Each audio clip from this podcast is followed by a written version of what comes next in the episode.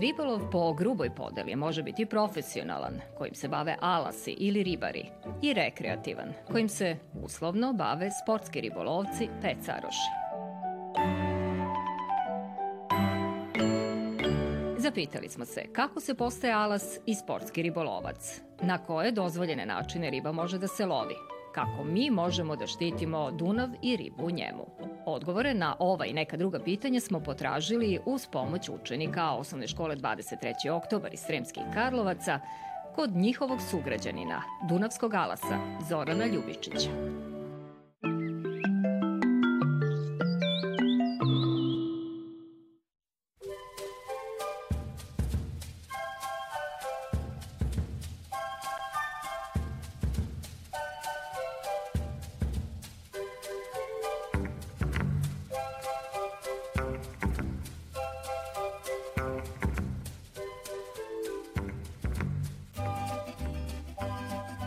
Dobar dan, deco. Dobrodošli na Karlovački Dunavac i jako mi je drago što ste u velikom broju došli da se upoznate malo sa ovim predelom i da vidite kakav je ovde život i kako je zapravo ovde jako lepo doći rano ujutru kao što ste i vi sada. Kako se postaje alas? Prvo moram da vam objasnim suštinsku razliku između pecaroša i ribara. Osnovna razlika između pecaroša i ribara je to što pecaroš lovi udicom, štapom, naglonom i udicom, a ribar lovi ribarskim alatima, dozvoljenim ribarskim alatima koje piše u zakonu o ribarstvu. Još jedna suštinska razlika između pecanja i ribarenja je što pecaroš nema prava ribu da prodaje, a ribar zbog toga i postoji, znači lovi ribu i prodaje. Ribar isključivo lovi iz čamca, a pecanje možete da, da pecate i sa obale, i iz čamca i tako.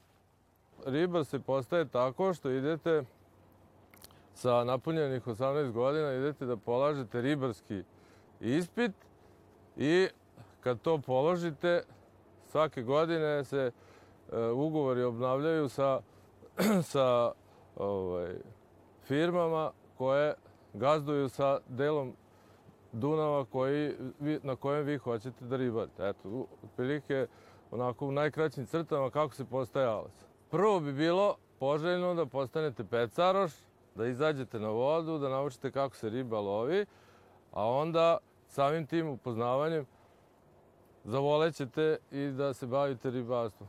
Na koje dozvoljene načine se može loviti riba?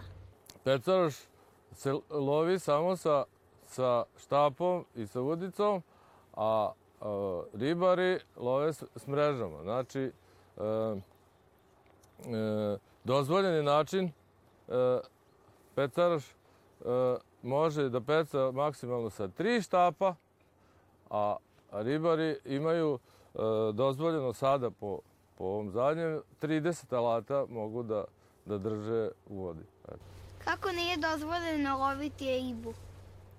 E, riba e, se ne sme e, loviti sada e, najčešće, najčešći problem e, ribočuvarske službe i uopšte e, ljudi i, i firmi koje se bave ču, očuvanjem je e,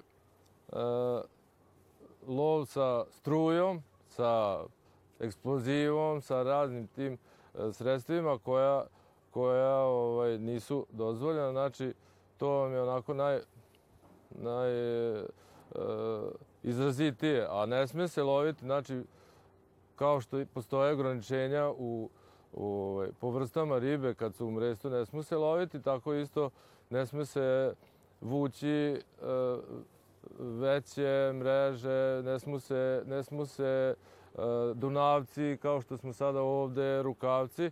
Uh, na tim terenima ne sme se izlovljavati znači, ribu. Zbog e, mlađi, znači ovih malih ribica i zbog e, ugroženih vrsta. Koje vrste ribe su ugrožene, a žive u Dunavu? Ima, e, nažalost, poprilično ovaj, veliki broj riba koje su ugrožene, a suštinski najviše su ugrožene e, vrste riba koje, e, koje e, žive na staništima gde se, gde se Dunav izlije.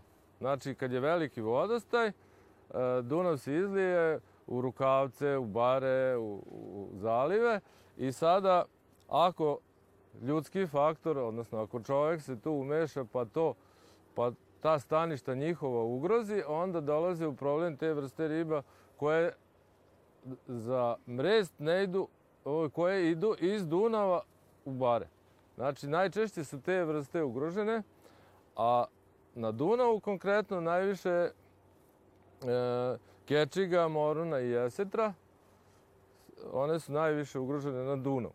A, o, a u, u barama puno ima puno ima tih vrsta kao što je recimo linjak, kao što je ovaj, grgeč, kao što su e, barski karašt, kao što su tako puno, puno vrsta, uglavnom koje su vezane za, za bare i ritove.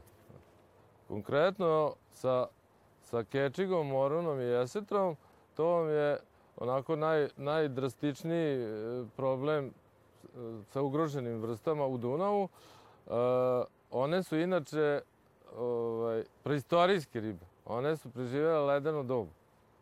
I, i ovaj, na njih najviše u Dunavu su uticala, e, pošto one žive na dnu, e, zagađenja koja su, koja su se događala i sada e, Zbog toga je društvo, odnosno država, odnosno e, e, firme koje gazduju sa, sa Dunavom, su uveli trajnu zabranu za, za te tri vrste. Znači, ona se ne sme loviti, nego se radi na tome da se veštački uzgaja i da, i da se pušta u Dunav i da ako neko želi da konzumira tu ribu, može jedino tako da je da kupi sa uzgajališta. Inače, na Dunavu je totalno zabranjen lov kečige, moruna i jesti. Moruna je onako najveća od, od njih i one su, osim što zagađenja, one su e, nestale sa Dunava kad je, na, nažalost, e, napravljen đerdap. Znači, brana na Dunavu, nisu im ostavili otvore za, za te vrste riba da prolaze, da cirkulišu i onda su ovaj, prestale da se, da se pojavljuju na Dunavu. Kako mi možemo da zaštitimo Dunav? Dunav možemo da zaštitimo tako što ćemo se boriti protiv e, onoga što, što njega ugrožava. Znači, zagađenja, znači E, dosta, da kažem onako iskreno, dosta sporo to kod nas ide, ali ide na bolje. Znači, svi e, dotoci u Dunav, sve kanalizacije, svi kanali, svi, sve to što ugrožava e, zagađenjem Dunav, znači, to se mora sprečiti tako što će se ugrađivati prečistači, filteri i tako. Dunav možemo sačuvati od od e, toga da se e, ne, ne lovi riba a, e, ovaj, nedozvoljenim sredstvima. Moramo, moramo ga za, više voleti i ceniti, jer je izuzetno dragocen i nećemo ga prljati, nećemo bacati smeće, nećemo ga zagađivati. Svako od nas šta je doneo na Dunav, da mu koristi, znači da li nešto od hrane, da li od pića, da li, da li bilo šta, znači to nikako da ne ostavlja pored reke, nego da ga vrati na određena mesta i to je, već time ste mnogo učinili da, da vam Dunav bude lepši. Jel postoju ribe koje izgledaju kao kamen? Postoji e, nekoliko vrsta koje su, e, kad se nalaze pored kamena, izuzetno se dobro ovaj, uklapaju, pa pomislite da je, da je kamen. Znači, e, recimo peš je izuzetno ovaj, prilagodljiv konfiguraciji terena. Znači, živi pored tako skrovitih mesta gde su kamen, gde je kamen i kad ga pogledate mislite da, da, da je kamen.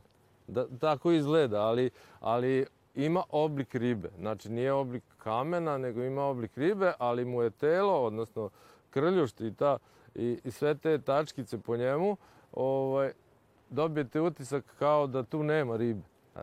Onako da vas upoznam sa nekim onako karakterističnim vrstama, onako najčešćim vrstama e, riba, recimo, recimo štuka je barska, ima i u Dunavu, ali većinom je u, u barama, u kanalima, u donavcima i specifična je po obliku, specifična je da je izuzetno proždrljiva riba, strahovito brza i e, ono što bi ja mogao da vam kažem ovako kao i pecaroš i ribar i, i, i čovjek koji voli da sprema ribu, e, može se spremati na jako puno načina. Ja bih rekao čak na najviše načina Eh, može štuka da se sprema u odnosu na druge ribe.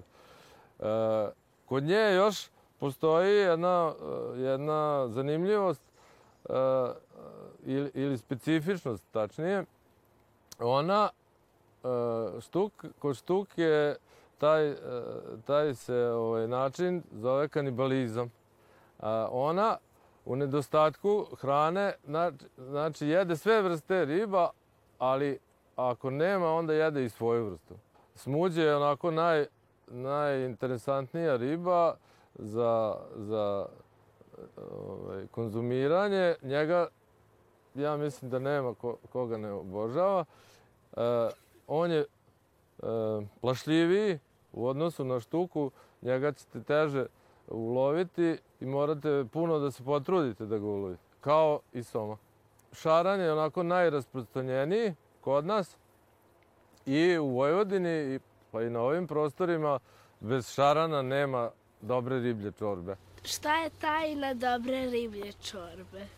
Za tajnu riblje čorbe prvo moramo reći da, da je riba zdrava i da je treba makar jednom nedeljno konzumirati, a ja sam pristalica da i, i više puta u toku nedelje, A, tajna riblje čorbe je a, e, znači u svežini ribe, znači svežu ribu kad imate, onda, počinje, onda, onda ste već u velikoj prednosti u odnosu na druge da ćete skuvati dobru čorbu. Znači riba i začini umereni. Znači da osetite miris ribe, a ne začina i, i nekih specijalnih e, začina, to ne. Za dobru riblju čorbu dovoljno je e, so, sirće, paprika i lukac.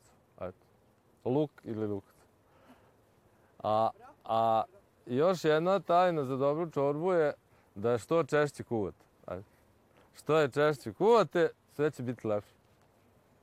E, a sada da čujem da li neko voli da jede ribu. Ha? Da. E, e Čika Zoran će vam...